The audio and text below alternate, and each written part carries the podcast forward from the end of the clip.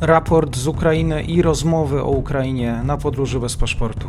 Dobry wieczór, dzień dobry wszystkim słuchaczom. Dzisiaj e, reagujemy też na bieżące wydarzenia. Paweł Rakowski jest moim gościem. Dzień dobry. Dzień dobry, witam Państwa. Rzecznik Hamasu, dzisiaj jesteśmy w Haderze, kilka dni temu byliśmy w Warszawie, a jutro wszędzie. W co gra Hamas w kontekście też tych informacji e, o ataku terrorystycznym właśnie w Haderze? No cóż, e, jest kilka bardzo ważnych wydarzeń, które umykają światowej opinii publicznej w związku z wojną na Ukrainie. Cały Bliski Wschód przechodzi wielkie przemeblowanie E, no i też Hamas reaguje. Dzisiejszy atak e, w Haderze, e, co jest ważne, był przeprowadzony przez dwóch izraelskich Arabów pochodzących z Umm al czyli to jest miejscowość, która stale jest monitorowana przez izraelskie służby w związku z wielką infiltracją Hamasu. Kilka dni temu w Berszewie doszło też do podobnego ataku, też przeprowadzonego przez izraelskiego Araba. To jest na to na chwilę obecną nakładają się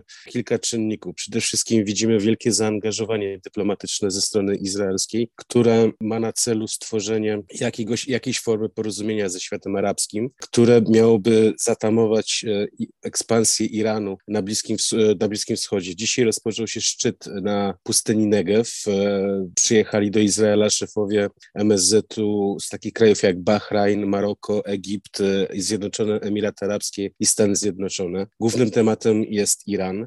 E, no i to jest, e, wiemy o tym, że im więcej będzie napięć na linii Palestyńczycy-Izraelczycy, tym e, wszelkie porozumienia pomiędzy państwami arabskimi a Izraelem będą utrudnione. Co więcej, rozpoczyna się Ramadan od 1 kwietnia i szykowana też jest wizyta króla Jordanii Abdullaha II w Ramallah. To oczywiście te napięcia, jak i też aktywność Hamasu, no i też oczywiście jakaś forma odpowiedzi ze strony izraelskiej będzie zakłócało te rozmowy, które są, które są priorytetowe, jeśli chodzi o obecny Bliski Wschód, w związku chociażby z wydarzeniami, które mają miejsce e, na Ukrainie, czy też e, na całym świecie. Rozumiem, że dzisiaj w Jerozolimie względnie spokojnie. W Jerozolimie względnie spokojnie, ale podejrzewam, że izraelskie służby będą, będą się miały na baczności w związku e, z tym, żeby uniknąć wszelkiej prowokacji, tak żeby te posiedzenie, które jest jest e, bardzo istotne dla całego Bliskiego Wschodu,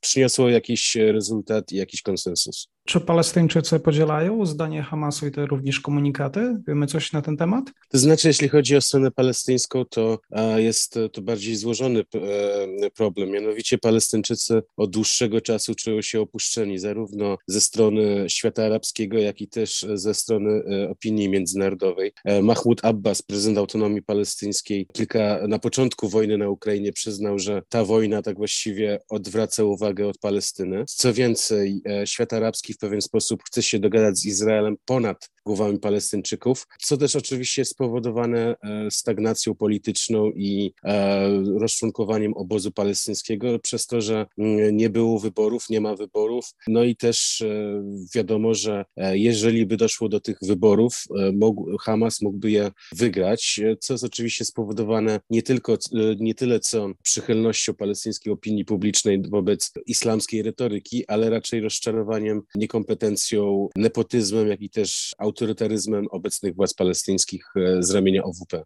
Komentarz e, na szybko. E, Paweł Rakowski, ekspert do spraw Bliskiego Wschodu, był moim gościem. Bardzo dziękuję. Dziękuję, do usłyszenia.